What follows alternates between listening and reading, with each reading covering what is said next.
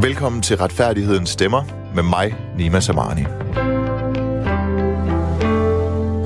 Vrisløs lille fængsel genåbnes til håndsprit kriminelle. Presset på fængslerne forventes at stige markant med de nye strengere straffe for coronakriminalitet. Kriminalforsorgen har derfor valgt at genåbne Vrisløs lille fængsel, som ellers var lagt i mølleposen. Kriminalforsorgen er derfor blevet nødt til at genåbne Vrisløs Lille Fængsel i Albertslund for at få plads til de mange coronakriminelle. Heldigvis stod fængslet klar til brug, og den første indsatte er allerede rykket ind. Der er tale om 63-årige Erna Nielsen fra Hadsund, som har fået en straf på halvandet års fængsel for at stjæle 150 ml håndsprit på Randers sygehus. Den havde jeg ikke lige set komme, siger Erna Nielsen, som erkender tyveriet, men bedyrer, at der var tale om en misforståelse. Jeg var sammen med min veninde fra strikkeklubben, som havde taget billedbladet og Karen Wolf med. Jeg troede også, at håndspritten var hendes. Det, jeg lige læste op, kære lytter, det var en aprilsnar udgivet af Fængselsforbundet her til morgen. Jeg gentager, det var en aprilsnar udgivet af forbundet.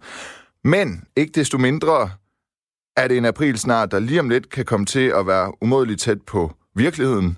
Det er nemlig sådan, at der i talende øjeblik er forhandlinger i gang i Folketinget om, hvorvidt det skal kunne give fængselsstraf at stjæle en håndsprit, og om det skal give firedobbelt straf til virksomheder, der kunne finde på at svindle med corona-hjælpepakkerne. Det må siges at være markante ændringer i forhold til nuværende lovgivning, og derfor er det også helt naturligt emnet i den her uges udgave af Retfærdighedens Stemmer, hvor jeg, Nima Samani, undersøger og udfordrer de aktører, der spiller en rolle i forhold til vores retsstat. Jeg skal tale med Jeppe Brugs. Han er retsordfører for Socialdemokratiet, altså regeringspartiet, og han bakker selvfølgelig af den grund naturligvis op om de her strafskærpelser, jeg lige har øh, nævnt. Jeg skal også tale med øh, direktør for Justitia, Jakob Machangama. Han vil give et internationalt perspektiv på, hvordan øh, retsstaterne rundt omkring i øh, Europa i de her tider, også i verden i øvrigt i de her tider, er meget øh, presset. Han mener, at øh, coronavirusen den har ført til en øh, global øh, begrænsning af ytringsfriheden, altså en global øh, censurepidemi. Men først og fremmest, der skal jeg tale med Peter Seger. Han er forsvarsadvokat, og han er mildest talt utilfreds med, at øh, regeringen udnytter coronaepidemien til selvpromovering. Er det korrekt forstået, Peter Sikker? Velkommen til. Ja, tak. Øh, ja, det er vel egentlig en fair nok udlægning. Altså, at, øh, de, at, at Socialdemokratiet de udnytter coronaepidemien til selvpromovering via lovgivning. Prøv at forklare det. Jamen, altså, synspunktet er helt enkelt. Jeg tror, alle, der har forstand på og indsigt i, hvad strafskærpelser har betydning for kriminaliteten, er enige om, at det har ingen betydning. Og hvis man lægger det til grund, så er målet jo ene og alene at sende et signal. Og den eneste grund til, at man gør det, det er for at vise, at man er hardliner, og man slår hårdt ned. Og hvis man gør det som politiker, så er det for at skaffe sig stemmer, og så er det et selvpromoveringsprojekt, og ikke et, øh, et forsøg på at gøre vores samfund bedre. Så sådan i yderste potent, så er det et udtryk for, at lovgiver, i det her tilfælde vores justitsminister, bruger vores lovgivning til at promovere sig selv og skaffe stemmer. Så da du for en uge siden cirka, ja det var faktisk en uge siden, ser øh, den her nyhed om, at man vil gå ind og give firedobbelt straf for virksomheder, der svindler med hjælpepakkerne, og man vil potentielt fængsle øh, tyveri for håndsprit, det skal vi jo lige opdatere, fordi de er i gang med forhandlingerne lige nu, og jeg tror, der kommer en, øh, en bagatelgrænse. Men så er der ikke et gram af dig, der tænker, at det her det er nødvendigt, fordi vi står i en øh, ret øh, undtagelsesmæssig situation lige nu. Det er nødvendigt at sende et øh, signal du siger, at det ingen effekt har, men det sender vel stadigvæk et signal? Nå, men altså, signal for signalernes skyld er trods alt bare signal for signalernes skyld. Sådan som jeg ser det, øh, så kan man sige, der er jo ikke nogen, der kan være i tvivl om, at det at stjæle værnemidler fra hospitaler er et stort problem, og det udsætter andre mennesker for fare. Men det er jo ikke noget, som domstolen ikke er klar over i forvejen. Det er jo ikke sådan, at de har behov for justitsministerens øh, hjælp til at skærpe straffen i det tilfælde. Det ligger jo inden for domstolens formåen allerede. Det, der er problemet i den her form for lovgivning, det er, at man går ind på nogle meget konkrete områder, og så hæver man straffen, og det har ingen præventiv øh, effekt. Og det er ikke sådan noget med, at jeg generelt er imod strenge straffe. Jeg synes, det er super. Altså, sæt der bare straffen op til det firedobbelte generelt, det har jeg sådan set ikke noget problem med. Problemet er, at når man gør det, når man ved, det ingen virkning har, og man alene gør det for at skaffe sig stemmer, det synes jeg er et problem. Har du aldrig som forsvarsadvokat haft en klient, hvor øh, I sad og spekulerede i, hvor streng straffen var? Altså at straffens øh, ja, strenghed havde en betydning? Det, det, jeg, det tror jeg aldrig nogensinde nogen kriminelle de har brugt ret lang tid på at tænke over, inden de begik deres kriminalitet. Det er jo noget, der først øh, går op på dem bagefter, og der er løbet ligesom kørt i forhold til at dæmme op på kriminaliteten. Det, altså, jeg vil sige, det her med, at lovgiver sådan er inde og lovgive meget konkret alene for at sende signaler, det er jo ikke noget, der bare falder en forsvarsadvokat som mig for brystet. Øh, Dommerforeningens formand, Michael Sjøberg, har jo også været ude i et åbent brev til justitsministeren og sagt, altså, det, det her det er måske øh, ret problematisk, og kommer også med en række grunde til det, så det er sådan set ikke kun mig, der mener det. Jeg tror, jeg tror man kan finde andre mennesker, der, der har øh, mere forstand på det, end jeg har, som er enige med mig. Sådan helt konkret, så øhm, altså, jeg ved jo, at med, med, i forhold til virksomhedsejere, øh, jeg, øh, jeg, jeg, jeg, jeg er jo freelancer, jeg er jo faktisk selv selvstændig. Jeg tænkte også, at øh, nå, men nu er der, jeg var gået i karantæne på et tidspunkt, og så tænkte jeg, at øh, måske skulle jeg da søge nogle af de her altså refunderinger af, af, af den tabte øh, arbejdsfortjeneste, jeg har haft.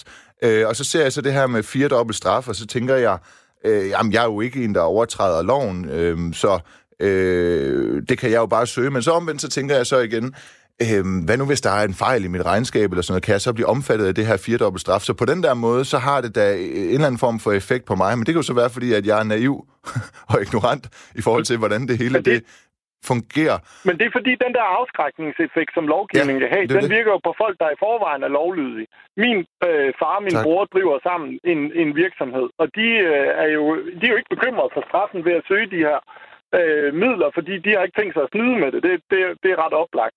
Dem, der kan finde på at snyde med det, er til gengæld skide ligeglade med, om det koster tre måneder eller et år i fængsel, for det er ligesom ikke det, der er motivation for at begå kriminaliteten. Det, der virker øh, adfærdsdirigerende på befolkningen, det er, øh, man sige, det er den moralske afstandtagen. Og et godt eksempel, som alle kan forholde sig til, er sådan noget som spritkørsel, hvor da jeg var barn i 70'erne og start 80'erne, der, øh, der var det almindeligt accepteret. Alle kørte spritkørsel. Der var sgu ingen, der så skævt til det. Og nu om dagen, der hvis nogen forlader en familiefrokost, øh, påskefrokost for eksempel, og har fået for meget drik, så står folk jo nærmest på nakken af hinanden for at tage nøglerne fra vedkommende. Og det er fordi, der er sket et holdningsskift, men det er jo ikke sket på grund af strafskærpelser. Det er fordi, der er sket et holdningsskift, sikkert på grund af Rådet for Trafiksikkerhedskampagner. Øh, og, og det, der virker mod coronasnyd, er jo ikke at straffen er hård, men det er, at vi som samfund fordømmer det i fællesskab, fordi vi er enige om, at det er et kæmpestort problem, hvis der mangler værnemidler på hospitalerne, eller hvis der ikke er ressourcer øh, til at hjælpe de svageste i samfundet, fordi nogen har udnyttet hjælpepakkerne. Altså, det er ret oplagt. Det er det, der virker. Men er vi ikke øh, allerede øh, enige om det, det Peter Sikker? Er vi ikke allerede enige om det som samfund? Jo, det tror jeg, men det, det, det er vel også, øh, kan man sige, øh, det, der afspejler, at straffen er helt oplagt, hvis du er ude og snyde med øh, tilskudsmidler i den her situation, i forvejen vil være hårdere end ellers. Og hvis du er ude og stjæle værnemidler fra hospitaler, så er det noget andet end et butikstyveri. Det tror jeg, alle kan regne ud, og det vil også afspejle sig i strafudmålingen allerede. Det har vi ikke brug for justitsministerens hjælp til. Vi har ikke brug for hans selvpromoveringsprojekt om firedobbelt straf for at nå det resultat. Okay, det så... vidste alle i forvejen. Så det, du mener, det er... For, altså, du siger det her, du kommer med et eksempel for måden, vi har øh, på, på, på sigt har fordømt spirituskørsel og så videre. Det, det vi er... Altså, der er jo en masse... Der har været kampagner i fjernsynet og sådan noget. Der er jo de her ret hæftige reklamer, eller kampagner, hvor du ser... Øh, en eller anden, der, øh, der er fuld til, til et selskab, og så vil han så tage nøglen og køre, og så kigger alle på ham med fordømmende blikke, eller også så viser de så konsekvensen ja, det af det, og så videre. Det er sådan set det, ja, ja, du, du mener faktisk, at så når man tænder for DR, øh, eller, eller hvad det kunne være, så, så, så ind imellem programmerne, udsendelserne, så skulle der være en øh, kampagnevideo, der siger, at øh, vi står sammen øh, hver for sig, vis hensyn til dine medborgere, lad være med at stjæle... Øh, lad være med at stjæle håndsprit eller øh, snyd med de øh, hjælpepakker, vi, øh, vi tilbyder nu for, at Danmark de kan stå igennem den her krise sammen. Er det det, du efterspørger i stedet for? Og er det sådan lidt et, øh, lidt et presset forsøg på bare at, øh, at opsummere det, jeg sagde i en linje? Pointen er, det er faktisk mange linjer. øh, hvad skal man sige, informationskampagner er der evidens for virker. Strafskærpelser er der ingen evidens for virker. Og så virker det bare dumt, at pressen, eller undskyld, at politikerne kaster sig over det, som vi ved ikke virker. Øh, og så er det svært at se det som andet tilpromoveringsprojekt. Det er sådan set bare det, der er pointen. Okay. Øhm, og, og hør lige her, ja. det er jo ikke sådan noget med, at jeg, at jeg synes, at man ikke skal straffe dem, der laver svindel i den her forbindelse, for det synes jeg. Og jeg er også helt sikker på, at domstolene vil give dem en strengere straf, end man vil for andet tyveri eller anden svindel. Det vil man gøre i forvejen, og det er der også mulighed for efter loven. Det, der er problemet, det er, at vores justitsminister går ind i en hastelovgivning og kodificerer, hvordan domstolen skal agere. For det binder også domstolen. Det tvinger domstolen til at forholde sig på en bestemt måde til nogle situationer. Altså følge et schema, i stedet for at følge den sunde fornuft. For der er måske forskel på situationer. Det bliver lige pludselig rigtig svært at få med i, øh, i sådan en skematiseret lovgivning, hvor lovgiver har taget det frie skøn ud fra domstolene. Og et godt eksempel på det er for eksempel, at lovgiver i deres, eller øh, hvad hedder det, justitsministeren i sit forslag, har glemt at få øh, corona-trusler og corona-vold med.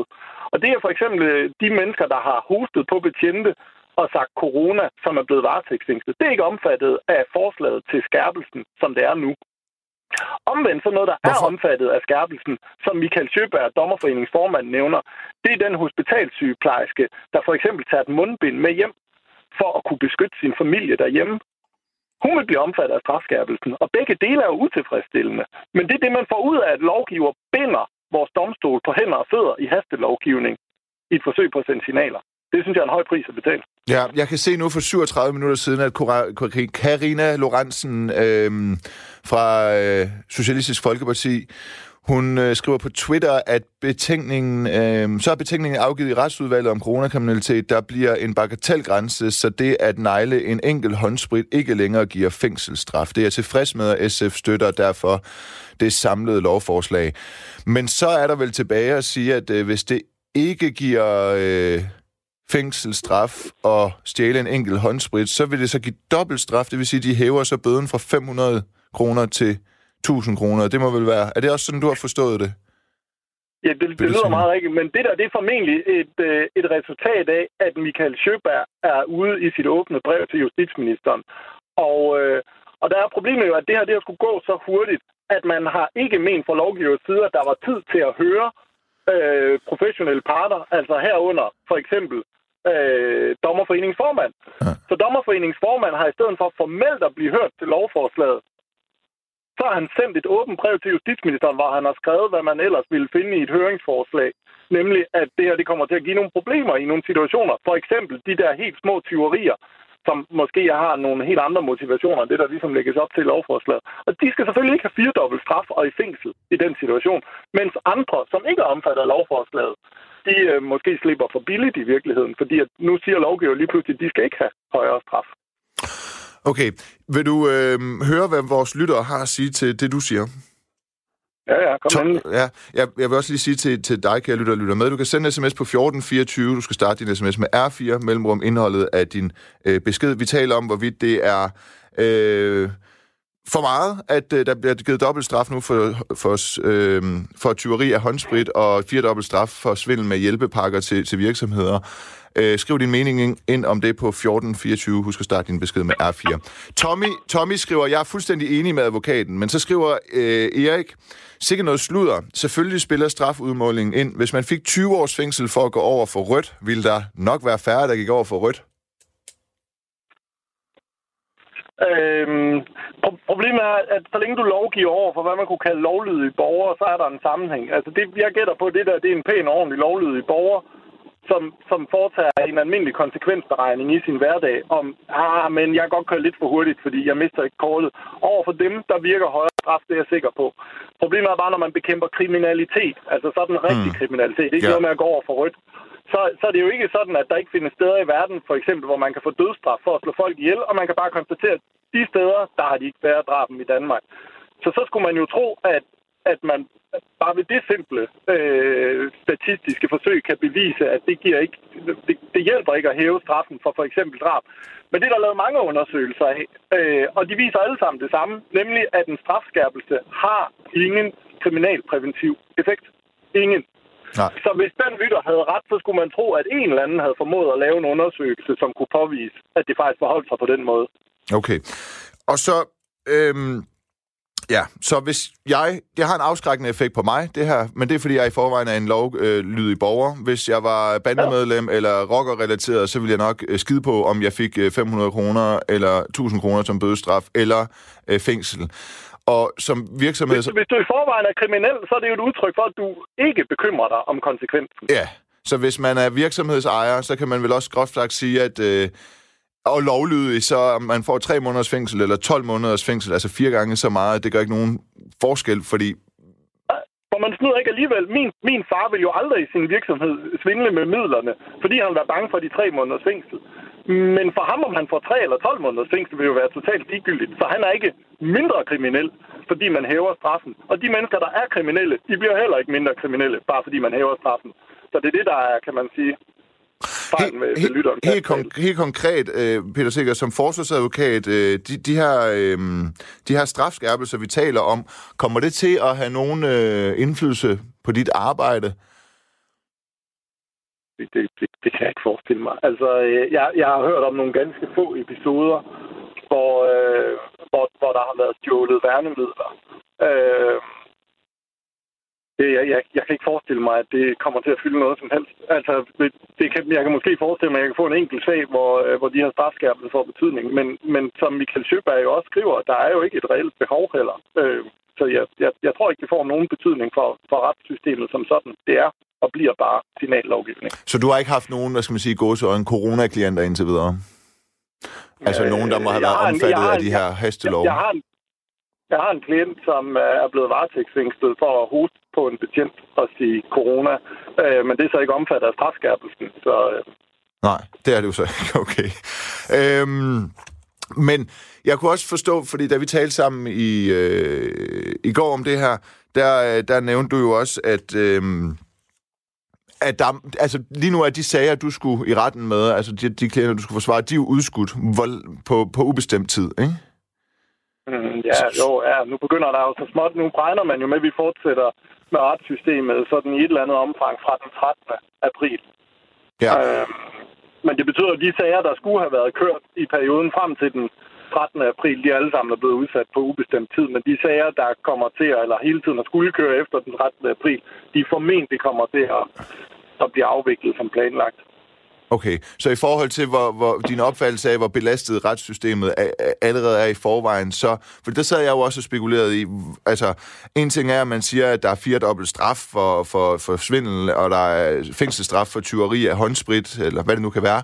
Øhm, om det så overhovedet øh, er sager, der, der, der inden for en overskuelig fremtid kan blive realiseret øh, i, øh, hos domstolene? Øh, he- helt oplagt ikke, men det, det skriver Michael Sjøberg, dommerforeningens formand, sådan set også i sit brev øh, til, øh, til vores justitsminister, at, øh, at problemstillingen her er jo, at der bliver ikke nogen, øh, nogen hurtig justits, fordi lige pt. og mens corona verserer, jamen så er der jo ikke noget, øh, noget domstolssystem, der reelt fungerer. Det er kun de aller, aller, aller mest tastende sager, der bliver gennemført. Øh, så, så nej, øh, jeg tror ikke, men der kommer jo en kæmpe stor sagspukkel på, på grund af corona, fordi øh, alle de sager, der ikke er blevet afviklet nu her, de, øh, de, de kommer ligesom ind i køen og skal behandles, når vi er færdige med vores, vores corona-krise. Øh, og oven i det, så har alle anklagerne jo haft hjemmearbejde og siddet derhjemme og deltaget mm. i sager. Så det har også medført en pukkel, der almindeligvis ikke vil være der, for de har formentlig været mere effektive med tiltalerejsninger, end de plejer at være. Så der kommer en enorm sagspukkel ved domstolen, og dermed formentlig meget lang ventetid. Ja. Peter Sikker, jeg skal tale med uh, Jeppe Brugs, retsordfører for Socialdemokratiet, uh, lige om lidt. Han er faktisk på en linje, han lytter faktisk uh, med nu. Uh, hvis jeg skal tage noget med videre til ham her fra vores uh, samtale, hvad vil du så uh, sådan opsummere at sige, de negative konsekvenser vil være i forhold til det her tiltag med skærpet straf? Jeg ved godt, du siger, at uh, det er Socialdemokratiet udnytter det som PR, altså de udnytter lovgivningen til PR, det er signalpolitik osv., men kan der helt konkret være nogle mere håndgribelige negative konsekvenser, som vi kommer til at se i retssystemet? Eller Nej, i forhold til ikke, retssikkerhed? Det, det, ikke. Så, skal det være, så skal det være betragtninger, eller dem, du gjorde der før, om, at, at menige mennesker faktisk bliver nervøse. Menige lovlydige mennesker bliver nervøse for at, at, at, at søge om, øh, om tilskud fordi de er bange for, at de falder i den her okay. øh, gruppe af mennesker, der skal have firedobbelt straf. Men, men ellers så nej, så er det jo set med mine øjne som lovgivning. Men det, man skal stille spørgsmålet til ham om, er jo nærmere, øh, hvad evidensen er for, at det og det skulle have nogen som helst effekt. Men ved du hvad, det gør jeg så. Forsøg, Peter Sikker, tusind tak, fordi øh, du var med. Det var så lidt. Hej igen. Hej. Jeppe Brus, Ja. Velkommen til. Du er retsordfører for Regeringspartiet Socialdemokratiet. Hvad er, lyttede du med her? Det gør jeg. Jeg hørte det ja. i hvert fald den sidste del af det, ja. Ja, hvad er evidensen så for, at det her det skulle have nogen som helst effekt, altså strafskærpelser i forhold til svindel med virksomhedspakker og dobbeltstraf eller sågar fængselsstraf for tyveri af håndsprit? Jamen, det er jo det helt klassiske spørgsmål. Altså, og øh, man kan sige, det er jo gældende i forhold til alle former for straf. Øh, at, øh, at, at det jo både handler om øh, dels øh, hvad det er for et samfund, vi gerne vil have, hvad det er for nogle normer, vi gerne vil have. Øh, og selvfølgelig også, at, øh, at straf jo også har en effekt. Altså, vi kan jo se det på noget af det seneste her, der nogle af de bandepakker, vi har vedtaget, hvor for eksempel har skærpet straffene for våben. Det har gjort, at en del af de våben, der ellers øh, lå i biler og så videre, ja, de er forsvundet. Så, så, øh, så sådan, at, at det... Hvor de forsvundet, at, hvad mener du med, at de er forsvundet? Hvad for våben, der lå i biler, der er ja, det har afskrækket, det har afskrækket bandemedlemmer fra at køre rundt med våben i deres biler, for eksempel. Okay. Så, så det er ikke fordi, der er, at der ikke er skyderier. Men, men, men det helt klassiske omkring, om, om straf har en effekt, ja, selvfølgelig har det en effekt. Men jeg vil gerne sige, at det her selvfølgelig er, både handler om øh, at sende signaler om, hvad der er fuldstændig uacceptabelt i den krise, vi står i. Øh, og for det andet selvfølgelig også, at øh, når, som jeg selv var inde på, at en firedobling af straffen for for eksempel øh, snyd og fusk med de hjælpepakker, øh, at det selvfølgelig også skal have en afskrækkende effekt. Og det er jo det, altså man kan jo sige, øh, jeg, jeg, øh, jeg, jeg tænkte jo faktisk selv, da jeg så det her, at det kunne have en øh, afskrækkende effekt på mig. Jeg tænkte sådan, hvis jeg har tabt omkring en 20.000 på at være i karantæne og være selvstændig osv., så, videre, så vil jeg da egentlig gerne søge dem. Men hvis der er fire dobbelt straffe, sådan, så ved jeg da heller ikke egentlig, om jeg tør gå i nærheden af det. Fordi hvad nu, hvis jeg har en eller anden overset grov fejl i mit øh, et regnskab?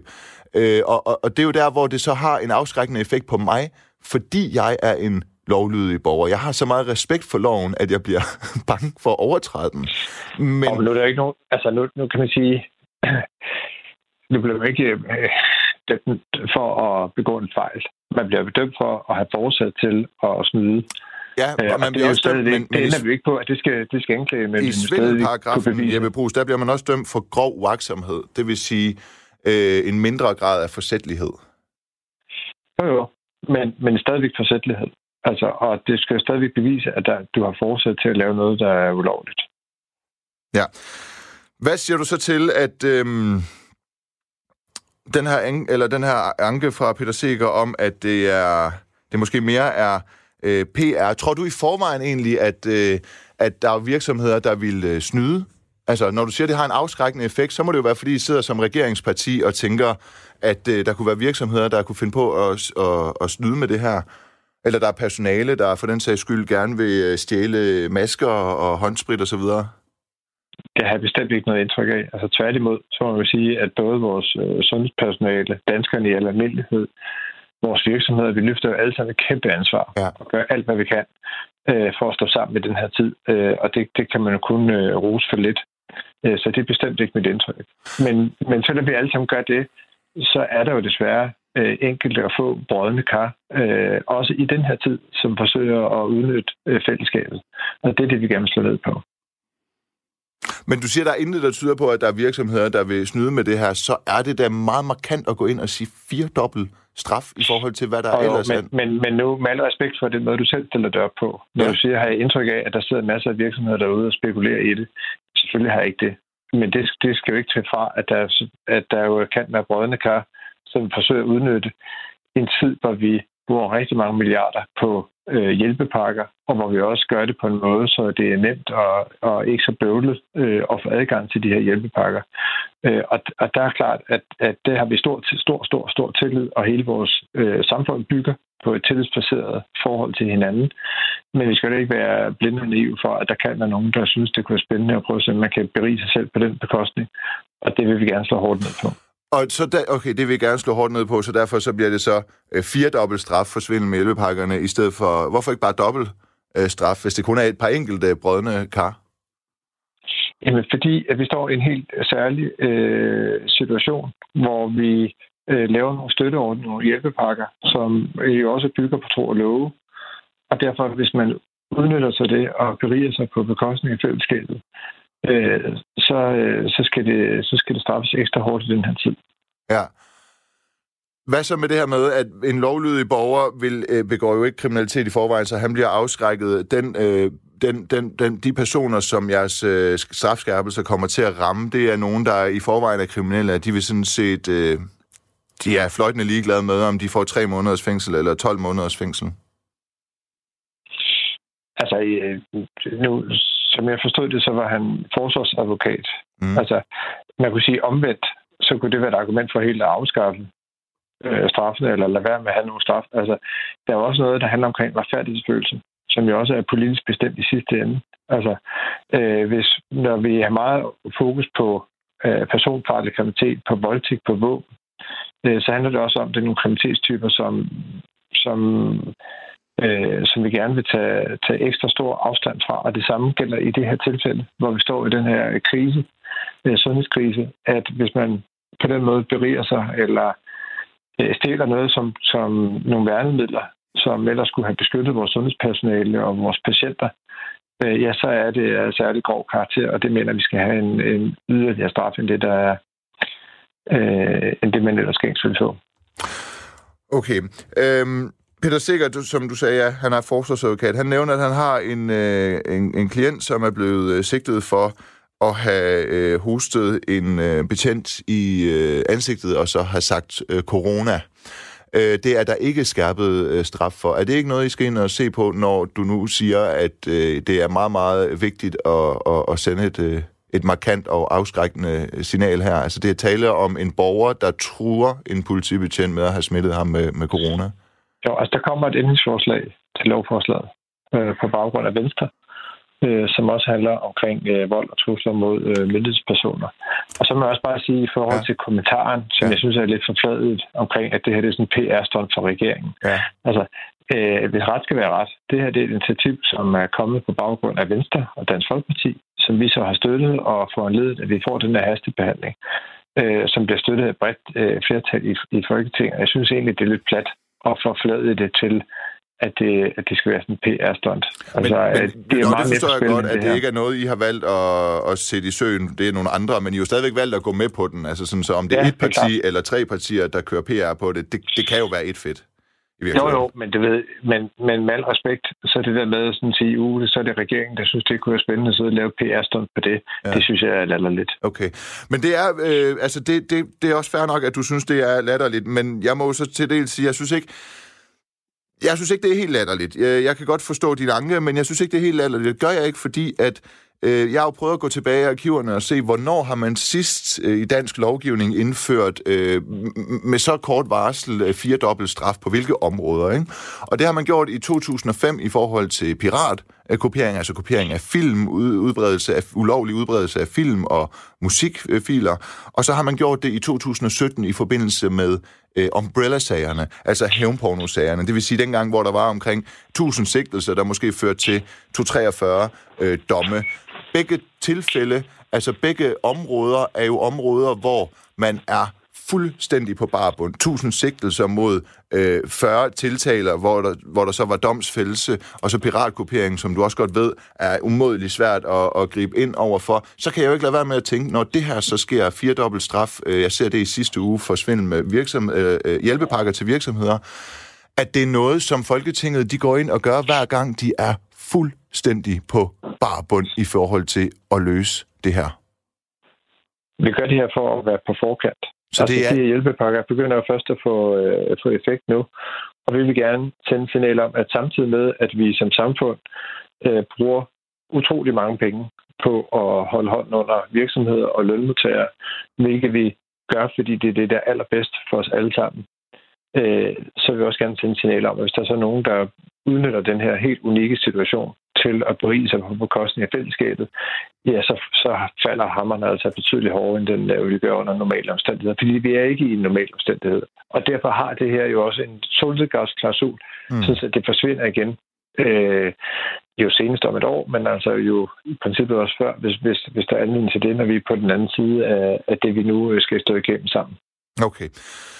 Jeppe Brugs, øh, retsord for Socialdemokratiet. Der er en lytter, der hedder Lars, der skriver, hold op, hvor er det øve at høre på radioverden, der hele tiden vil finde noget dårligt, så han kan underholde sine lyttere. Jeg tror, vi har mere tillid til vores regering end en sensationssøgende radiovært. Jeg håber ikke, at du, Jeppe Bro, synes, det var så slemt og sensationssøgende. Jeg sidder som jurist og forsøger at give mine lyttere nogle svar på, øh, hvorfor så drastiske tiltag, og det var sådan set også det, øh, min samtale med dig her øh, gik ud på. Øh, tusind tak, fordi du var med. Selv tak. Godt. Jeg ved, at, ved du, at vi sætter lige sådan en her på. Du lytter til Radio 4. Det gør du nemlig. Du lytter til Retfærdighedens Stemmer på Radio 4. Mit navn, det er Nima Samani. Og Retfærdighedens Stemmer, det er altså et program, hvor jeg øh, udfordrer og undersøger, på godt og ondt udfordrer og undersøger de øh, aktører, der måtte spille en rolle i øh, retsstaten. Og det har altså indtil videre handlet om den her strafskærpelse, hvor øh, tyveri af håndsprit skulle kunne give en... Øh, bøde, eller kunne give en bøde på 1000 kroner nu. Der kommer til at være en bagatelgrænse. I særlige tilfælde vil man så kunne komme i, øh, i fængsel, hvis det er mere systematisk tyveri af masker og øh, produkter, man ellers har brug for i forhold til øh, coronaepidemien. Øhm, og så har vi også talt om det her med virksomhedspakkerne, hvor, øh, hvor svindel kan give, øh, kan give fire øh, dobbelt straf. Og Jeppe Brugs, der er retsøger for Socialdemokratiet, mener altså, at det har en afskrækkende effekt, og Peter Sikker, der er forsøgsadvokat, der var igennem tidligere, mener, at det ikke har en afskræftende effekt overhovedet, og det derfor må være øh, en måde at, ja, en form for populisme og, la- fælles, øh, og læften for fælles, øh, laveste fællesnævner. Men øh, nok om det. I øh, Berlinske i går, der stod der, coronakrisen har ført til en global censurepidemi. Kun ved at lade information flyde frit, kan forskere og eksperter dele, teste, kritisere og forbedre deres forsøg på at forstå og imødegå coronakrisen. Og den her kommentar, den er altså skrevet af dig, Jakob Machangama. Du er direktør i Tænketanken Justitia. Velkommen til. Tak skal du have. Lad os få en øh, status. Jeg havde også med i sidste uges øh, program, hvor, vi, øh, hvor jeg spurgte dig, om Danmark var på vej mod en øh, egentlig øh, undtagelsestilstand. Det sagde du, at øh, det synes du øh, ikke. Øh, du sagde, at der var nogle øh, kar- kar- karakteristika ved, øh, ved det, der var det, der skete i Danmark nu. Altså, der var nogle tiltag, der kunne ligne undtagelsestilstand, men at vi slet ikke var helt der henne, og du synes, at det så langt værre ud i øh, andre øh, lande i verden, måske endda også demokratiske stater. Yes. Og det er så det, du har skrevet om øh, nu, at der er blevet indført drastiske begrænsninger af frihedsrettigheder verden over. Øh, vil du prøve at uddybe det? Hvor er der helt konkret øh, foretaget drastiske begrænsninger i verden og i lande, som måske kunne minde om Danmark? Ja, men det jeg har jo øh, Øh, fokuserer specifikt på, det er jo øh, i forhold til censur, og, og, og i meget høj grad også lande, som har indført øh, love eller slået ned på såkaldt falske øh, nyheder. Man kan sige, jeg, jeg tror, at, at du vil finde, at der er, øh, jeg tror, over 80 lande, der har indført sådan nødretslignende tiltag øh, i, i forhold til, til coronakrisen. Så, så, så, så generelt har landene indført øh, en række, lang række tiltag. Det jeg så fokuserer på, det er at sige, jamen, øh, der er så også nogen, som, som går videre, og som ligesom bruger det her til øh, at lukke ned for kritik øh, af, af, øh, af regeringerne eller magthaverne i deres lande, og til, og til ligesom at øh, i virkeligheden beskytte dem selv øh, mere end at beskytte befolkningen. Men som jeg, som jeg havde forstået det, så det, de griber ind over for, eller det, det, de censurerer i de lande, det er hovedsageligt fake news i forbindelse med coronaepidemien. Er det ikke korrekt? Ja, og det, der kan man sige, at det lyder jo sådan set, jamen selvfølgelig skal man slå ned på nogen, som skriver noget forkert, men problemet er så bare, at hvis du tager til Thailand for eksempel, så er det en person, der på Facebook skriver noget om, at han synes, at øh, de tiltag, man har indført i lufthavnen, at der ikke blev screenet nok, jamen det er, at det er et problem. Eller det kan være i Tyrkiet, hvor der er nogen, der på sociale medier har skrevet, at, hvad hedder det, øh, at, at der vil være langt flere, øh, der er langt flere smittede, end hvad myndighederne siger, eller, eller nogen som i lande, hvor man kritiserer myndighederne for ikke at gøre nok.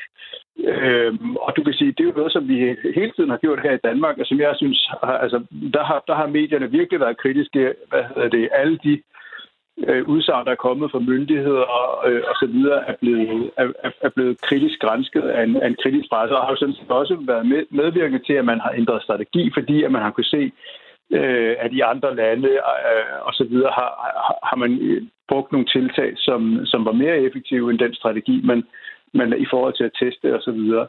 Øh, men det er jo nogle ting, som, som autoritære lande kan jo ikke, altså der, der, der, der er det et gift for et regime lige pludselig, at der bliver stillet spørgsmålstegn ved, om de har styr på tingene.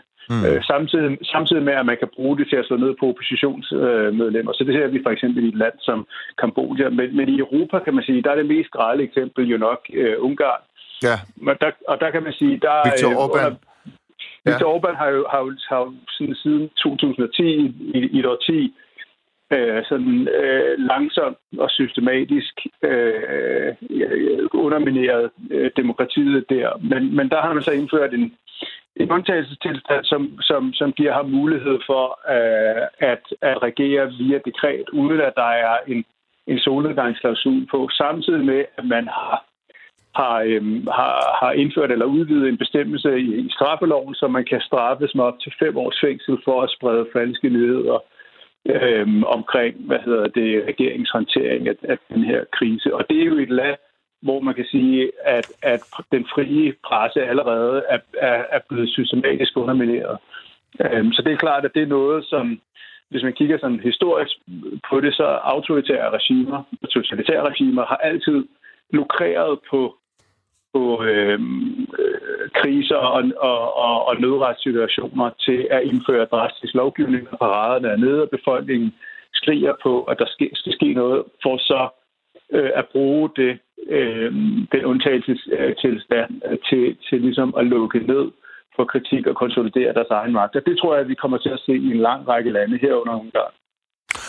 Men når du siger, at det, den væsentligste forskel er vel, fordi jeg sidder jo egentlig og tænker, jamen okay, i Danmark der, der, der det er da også ret drastiske tiltag, det må du da give mig ret i, at man lige pludselig går ud og siger, nu kan du komme i fængsel for at stjæle noget, der har en værdi af 30 kroner, altså en håndsprit, eller hvor meget sådan en den er værd, eller fire dobbelt straf for svindende virksomhedspakker. Men der er dog en solnedgangsklausul. Så ved jeg ikke, om det er noget at være bekymret for, sådan menneskerettighedsmæssigt og retssikkerhedsmæssigt, at den solnedgangsklausul, den strækker sig et, øh, et, et år hvad tænker du om det? Jo, det man kan sige, det er, øh, det var i forvejen strafbart at stjæle øh, håndsprit. Øh, nu, nu, så, kan man, så kan man mene, at det, at det, det er populistisk og, og uproportionelt at indføre en sådan straf, men der er ikke mange tilfælde i verdenshistorien, hvor at et, øh, et diktatur er kommet til magten ved at forbyde, øh, eller ved, ved, at straffe, det, øh,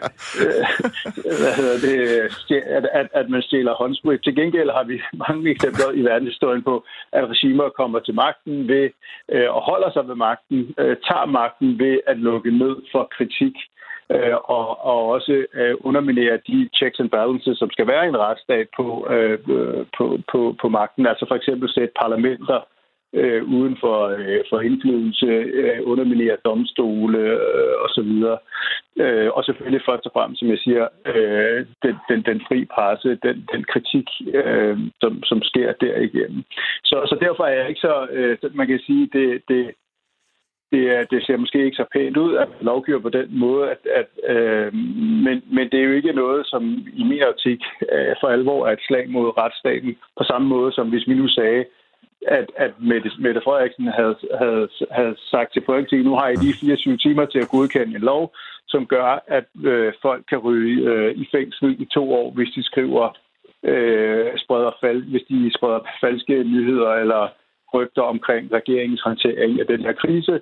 Og så øh, øh, sagde Simon Andersen, du skriver øh, kritiske ting i Berlingske om, om Søren Brostrøms øh, håndtering af Øh, af, af, hvad hedder det, af den her krise, og derfor øh, skal du øh, nu ind og bure. Det havde virkelig været øh, noget, som, som, som underminerede jeg man sige, retsstaten. Ja, for dem, der ikke lige skulle vide det, så Simon Andersen i dit eksempel her, det er nyhedsredaktør på, på Berlinske.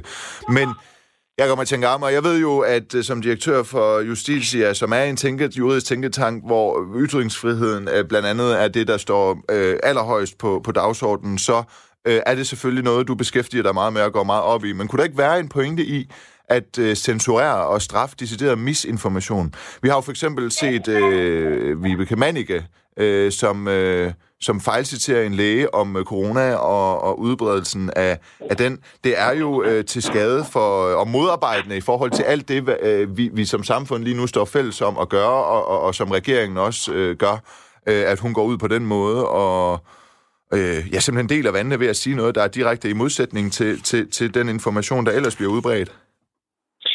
Problemet er jo, kan man sige, hvem, hvem skal definere, hvad der er falske nyheder? Øh, og, og altså for eksempel, lad, lad os tage et andet eksempel.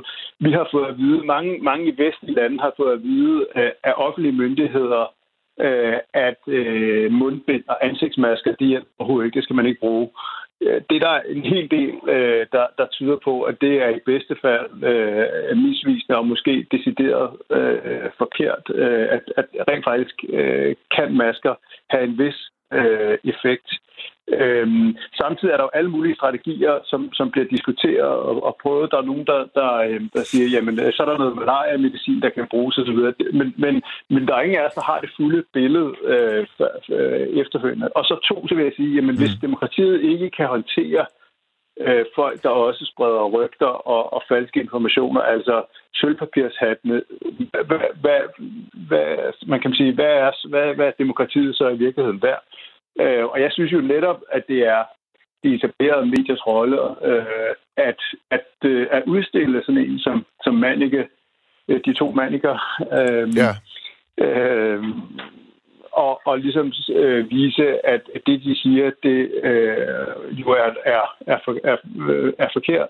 Øhm, og så må vi have tiltro til, at langt det største del af den ret veluddannede øh, danske befolkning, og som også har stor tiltro til etablerede medier, øh, om langt højere tiltro til etablerede medier end, end sociale medier, med god grund, øh, at de øh, kan finde ud af at, at, at håndtere det. Og det er jo heller ikke sådan, at man kan sige, at øh, de fleste mennesker øh, i Danmark, det er i hvert fald ikke mit indtryk, læser øh, Manike og Manike, og så siger, ved I hvad, øh, nu går vi ud og samler os øh, 100 eller 1000 mennesker, fordi det her, det er bare øh, regeringen, som øh, som overdriver. Tror... Altså langt de fleste mennesker, tror jeg, har forstået alvoren af det her. Tror Selvfølgelig vil der altid være nogen, der, der, der selvfølgelig vil der altid være nogen, som, som er villige til at tro på, på konspirationsteorier osv.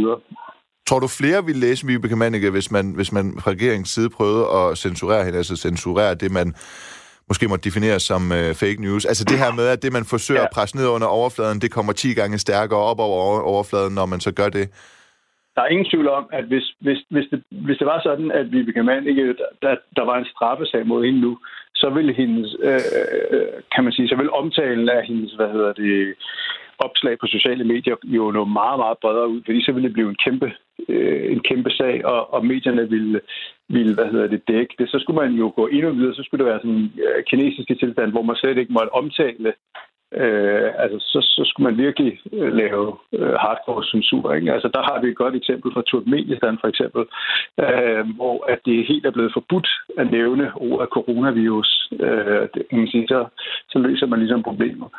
Øh, men men, men, øh, men det, er jo, det, er der jo ingen, øh, det er der jo ingen, der vil. Øhm, så, så, så der må vi også have tillid til, at den danske befolkning, at, at langt de fleste i den danske befolkning er øh, er veluddannet, øh, har en rimelig høj grad af, af sund fornuft og kan finde ud af at skille, så vil der selvfølgelig altid være den procentdel, som er mere tilbøjelig til at købe konspirationsteorier osv. Men det er jo nok ikke dem, som du overbeviser ved at sætte konspirationsteoretikerne i fængsel. Ja. Øhm, men altså, det er jo lidt en uh, uargumenteret påstand, det her, jeg tænker med, at flere vil, uh, at hun vil blive læst af flere, hvis man prøvede at lægge låg på hende. Er det noget, du uh, ved noget om? Har du eksempler på det fra andre områder, at, at, at det sker? Ja, men det, det kan man sige, det er jo det, som man kalder Barbara Streisand-effekten. Øhm, at, fordi Barbara Streisand ligesom, jeg tror, det var nogle, nogle, et billede af hende, nogle, nogle billeder af, hende, af en ejendom, hun ejede, som hun ligesom prøvede at få fjernet, og så bredte det sig ud over. Så det er jo sådan et velkendt fænomen, at, at, øh, at, at, at, at, at, at det, det er jo ikke sikkert, at det sker hver gang, men i en sag som, altså hvis Danmark, et land, som plejer at have meget højt til loft, når det gælder ydelsen, hvis man der havde ført en straffesag mod en, en berømt læge, øh, for, på grund af noget, hun har skrevet på sociale medier, så, så kan jeg ikke forestille mig andet, end at det vil øh, sprede sig. Men de, vi har rent faktisk også noget forskning, som i forhold til, øh, som, som, som ligesom, hvad hedder det, øh, kigger på, hvordan klare demokratier og ikke-demokratiers øh, epidemier. Det, det er klart, der er ikke data med for den for nuværende krise, hvor man kan sige, at demokratierne indtil videre i hvert fald ikke ligger specielt godt øh, i forhold til, til dødsfald. Men, men, men historisk set, så, så klarer demokratier sig bedre. Altså, de har færre dødsfald, også når du tager højde for, for forskel i indkomst øh, og så videre. Og, og der, der siger øh, de folk bag den her undersøgelse, at en af grundene til det kan være netop det her med, at demokratier, de øh, der er sådan, øh, altså, der, der er en fri, hvad hedder det, udveksling af, af informationer. Det er også nemmere at kommunikere til befolkningen, få feedback fra befolkningen, mm. øh, sådan at man kan, altså, når man er mere agil i forhold til at omstille sig, mens et, et, et, et, et autoritært regime har den fordel, at det, med det, at det meget hurtigt kan, kan, kan skride til handling. Men hvis, men hvis de handlinger viser sig så at være baseret på nogle fejlagtige øh, præmisser, og man ikke får de informationer ind i systemet, som gør, at man så kan omstille sig, så kan det være endnu mere katastrofalt. Hvis du kigger på øh, WHO's anbefalinger om, hvordan man håndterer en epidemi, så lægger de faktisk også rigtig meget vægt på, at man skal kommunikere og lytte til befolkningen, og så imødegå rygter øh, via, øh, via øh, kampagner, via kommunikation. Øh, de nævner ikke noget om, at man skal gå ud og, og censurere folk. Nej, men man kan sige, at Vibeke Mannicke her, som trods alt er uddannet læge, men som går imod alle de retningslinjer, regeringen kommer med, og siger, at man skal bare åbne Danmark nu, og det sagde hun allerede for, for, nogle, for nogle dage siden, hvis ikke mere. Øhm, hun blev jo, altså det var jo først, da, da hun blev fremhævet i, i, i medierne, jeg tror, det var BT, der viderebragte øh, hendes, øh, sin, sin, sin, hendes holdninger som original indhold. Det var først der, hun blev hun blev, øh, fik, fik meget opmærksomhed øh, på det mm. her. Jeg ved, jeg ved godt, Jacob Martin Gamme, jeg, jeg vil heller ikke sidde og gå imod, at der skal være en, en så total ytringsfrihed som muligt. Det er, det er jeg helt med på. Øh, det vil også krænke mit juridiske hjerte af helvedes til. Men det, der bare er med det, det er jo, at øh, som vi har set det nu, og det talte vi også om her i, i Retfærdighedens Stemmer i, i sidste uge, at forsamlingsfriheden og dermed retten til politisk at ytre sig og demonstrere imod noget, noget, ja, noget politisk, den er jo delvis blevet begrænset på grund af de her hastelov. Man må stadigvæk gå ud og give sine, øh, sine holdninger øh, politisk til kende, men der er jo stadigvæk den her begrænsning, der hedder den offentlige sundhed og og, og, og sikkerhed, som, som medfører, at man immer væk må gøre det på en begrænset måde. Man må ikke stille sig tusind i en flok og så råbe politiske budskaber, fordi så er der en kæmpe risiko for smitteudbredelse til resten af samfundet, og dermed øh, øh, er, er folk i fare for det. Så derfor så kræver øh, de her øh, ekstraordinære situationer jo også ekstraordinære tiltag. Og kan du forstå, hvis der er nogen, der sidder i, i demokratier eller andre lande øh, og tænker, at altså, vi bliver lige nødt til at lukke ned for fake news, eller folk, der med fake news går imod regeringstiltag, indtil vi har fået kontrol over for det her, og så kan vi åbne op igen? Jeg forstår godt fristelsen, men jeg synes, der er nogle væsentlige forskelle i forhold til det her med forsamlingsfriheden. Et, som du selv er inde på, så er det jo ikke, så, så øh, begrænsningerne i forsamlingsfriheden må jo ikke være begrundet i meningstilkendegivelse. Altså, du må ikke gå ud og sige, hvad hedder det, øh, folk, der er imod regeringen, må ikke forsamle sig. Øh, men, men, øh, men, men hvad hedder det, Socialdemokratisk Ungdom må gerne forsamle sig, fordi de siger nogle de rigtige ting. Øh, så, så, og, og du kan sige, der, der er jo en umiddelbar risiko ved, at folk forsamler sig, fordi det, det medfører helt konkret et væsentligt forøgelse af, ja. af, spritte, af, af smitterisikoen. Øh, at Vibeke Mannicke skriver et indlæg, som så kan fortolkes på anden måde, og som jo ikke, altså hun skriver jo ikke, nu, som jeg husker det, at bare gå ud og øh, host øh, andre folk i hovedet. Hun, siger, hun, hun kritiserer et politisk tiltag, som hun ja. mener på baggrund af sin øh, sin, sin, øh, kan man sige, sin viden, at man burde føre en anden politik, og, og, og måske en politik, eller den, som vi ser på den anden side af Øresund i, i Sverige øh, eksempelvis. Ikke? Jo. Øhm, og og, og det, er jo, det, er jo, det, er jo, det, er jo helt, det er jo helt fair, kan man sige, at sige, at, hvad hedder det, at, at, at kritisere regeringens øh, politik og sige, ja, ja, vi mener noget andet. Og jeg vil også sige, at, at det, er jo, det er jo også afgørende, kan man sige. Altså, for hvad er sandheden? Hvordan kommer vi tættest på sandheden her? Jamen, det gør vi jo ved, at vi tester bedst muligt forskellige øh, hypoteser øh, op mod øh, hinanden. Så, så jeg synes slet ikke, at man Nej. kan sammenligne den, den risiko, som et Vibeke Mannicke op,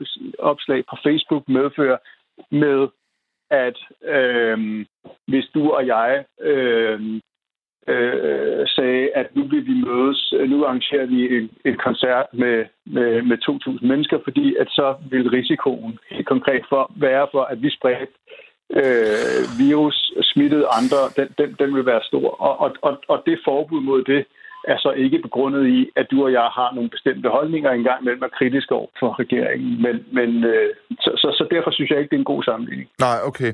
Du skriver også her, at det kræver øh, coronakrisen her, det er en tid, hvor der kræves øh, transparens og åbenhed, og ikke censur og lov mod falske nyheder, der alene tjener magthaver. Du har jo også en pointe i det her med, at lige nu der er der jo mange øh, vurderinger, der bliver foretaget baseret på skøn, og hvis man så skulle gå ind, og hvem skulle så gå ind og fortolke, hvad der er fake news, og hvad der ikke er, det kan jo, øh, der er jo en meget hård, fin grænse øh, øh der. Øh, det er jeg helt med på. Ja, øhm, og, og plus, at man kan, altså man kan, man kan meget nemt forestille sig, at det vil være, at, at lige pludselig begynder der så at være politiske hensyn, som går ind og trumfer øh, nogle, nogle sundhedsfaglige. Altså hvis vi sagde, at regeringen havde muligheden for at gå ind og, og slå ned på holdninger øh, så, så, så kunne man godt være, at man gik ind og sagde, jamen, vi kan ikke have nu, øh, man, vi kan ikke have, at Berlingske Tiden og andre medier sætter spørgsmålstegn ved den strategi, vi har nu om ikke at øh, teste i, i særlig vidt omfang. Øh, fordi at det underminerer tilliden til myndighederne, og det kan skabe ugrundet panik. Øh, men det, men, og, og, og det så, så kunne man jo samtidig sige, at det kan også være, at der er politisk hensyn, fordi at hvis der begynder at brede sig en, en opfattelse i befolkningen af, at, at regeringen ikke gør det godt nok, jamen så kan det betyde, øh, at øh, opbakningen til den her regering øh, falder. Så, så, og, og de to ting tror jeg simpelthen ikke på, at der er særlig mange regeringer selv øh, i demokratiske lande, som vil kunne holde fuldstændig ude for hinanden. Så Nej. derfor vil det altid være en fristelse, og særligt i sådan her situation, hvor man ligesom vil fortælle sig selv, at vi indfører vi, vi begrænser ytrings- og informationsfriheden ud af nogle noble hensyn, men, men der vil hele tiden være en fristelse til også at sige, at det her det er noget, der skal tjene et, øh, et politisk hensyn. Det ser vi med gusten overlæg i Ungarn og en lang række lande. Og også, hvis du kigger på listen af de lande, som har indført de her begrænsninger mod øh, falske nyheder osv., så, så er de med ganske få undtagelser alle sammen lande, som ligger i den tunge ende i forhold til til, til øh, at være autoritære regimer eller øh, øh, illiberale demokratier. Altså Kambodja, Iran, Ungarn, Tyrkiet, som jo allerede ja. har, har, har Rusland, afviklet... Ja. Rusland, så har vi, så har vi nogle eksempler. Måske okay. den, den store undtagelse er, er, er Taiwan, ja. øh, med, med, og så Indien også et demokrati, men jo et demokrati, hvor der i høj grad også er begrænset, altså hvor man lukker helt ned fra internettet nogle steder. Her, her, her til sidst, Jacob Martin Gammer, jeg talte jo også med dig her på udsendelsen i sidste uge, øh, og du er meget øh, betaget af at sige, at øh, det, for, det, der foregår i Danmark, er i hvert fald ingenting i forhold til det, der sker i øh, andre lande. Vi skal være glade for den måde, regeringen håndterer det på i demokratiske Danmark, hvis man øh, kigger ud mod, hvordan det ellers bliver håndteret, som vi også har talt om nu, i andre lande, andre steder i øh, verden. Har du stadigvæk øh, den holdning, også her efter, øh, fordi det var jo nærmest fem timer efter mit program i sidste uge, hvor vi havde talt sammen, at regeringen så går ud og siger, nu skal vi have fire dobbelt straf for, for svindel med hjælpepakker, noget vi i øvrigt har tilbudt for at, at, at, at, at holde tingene sammen, så samtidig så viser man, giver man lidt indtryk af, at man måske ikke stoler på folk, man vil gerne afskrække dem, og man skal kunne komme i fængsel for at stjæle en øh, håndsprit. Altså, øh, hvad tænker du om det? Jamen, de to tiltag synes jeg ikke er nogen, som, øh, som, som i, i min optik ikke er nødvendige, øh, altså i modsætning til, til begrænsninger i bevægelses- og forsamlingsfriheden. Jeg vil også sige, at, at hvad hedder det, øh, at, at den seneste lovændring, hvor man giver mulighed for at, at yderligere begrænse forsamlingsfriheden, mm. sådan at man ikke må mødes mere end to personer. Ja. Det virker mærkeligt, når man, når man samtidig siger, at vi står over for, at hvis, hvis tingene fortsætter på den her måde, så kan vi så kan vi øh, begynde en, en gradvis åbning af det danske samfund. Øhm, og, og der har selvfølgelig også været en, en række ting, hvor at oppositionen heldigvis har sat foden ned og, og fået gjort tingene mindre vidtgående, end de er. Så, så altså, men, men du kan sige, at vi hos Justitia vil i øvrigt sammen med, med, med Jonas Christoffersen, tidligere direktør i Institut for Menneskerettigheder, ja. lave et, et, et, et, et projekt her, hvor vi vil kigge øh, på det her spørgsmål mere generelt, men også helt specifikt i forhold til Danmark, så ligesom sige, øh, hvad er lektionen af det her? Øh, hvordan ser lovgivningen ud, og hvordan kan vi næste gang, der måtte komme en eller anden form for øh, nødraskelignende situation, øh, hvordan kan vi så indrette lovgivningen på en sådan måde, at vi allerede har foretaget en del af de svære Jeg har 10 sekunder tilbage i udsendelsen, Jakob Martin Garmer. Men ja. det glæder jeg mig til at høre mere om. Det, er, det var altså Jakob Martin Garmer, direktør i Tænketanken Justitia. Tusind tak, fordi du var med. Programmet her det blev produceret af Park Production for Radio 4.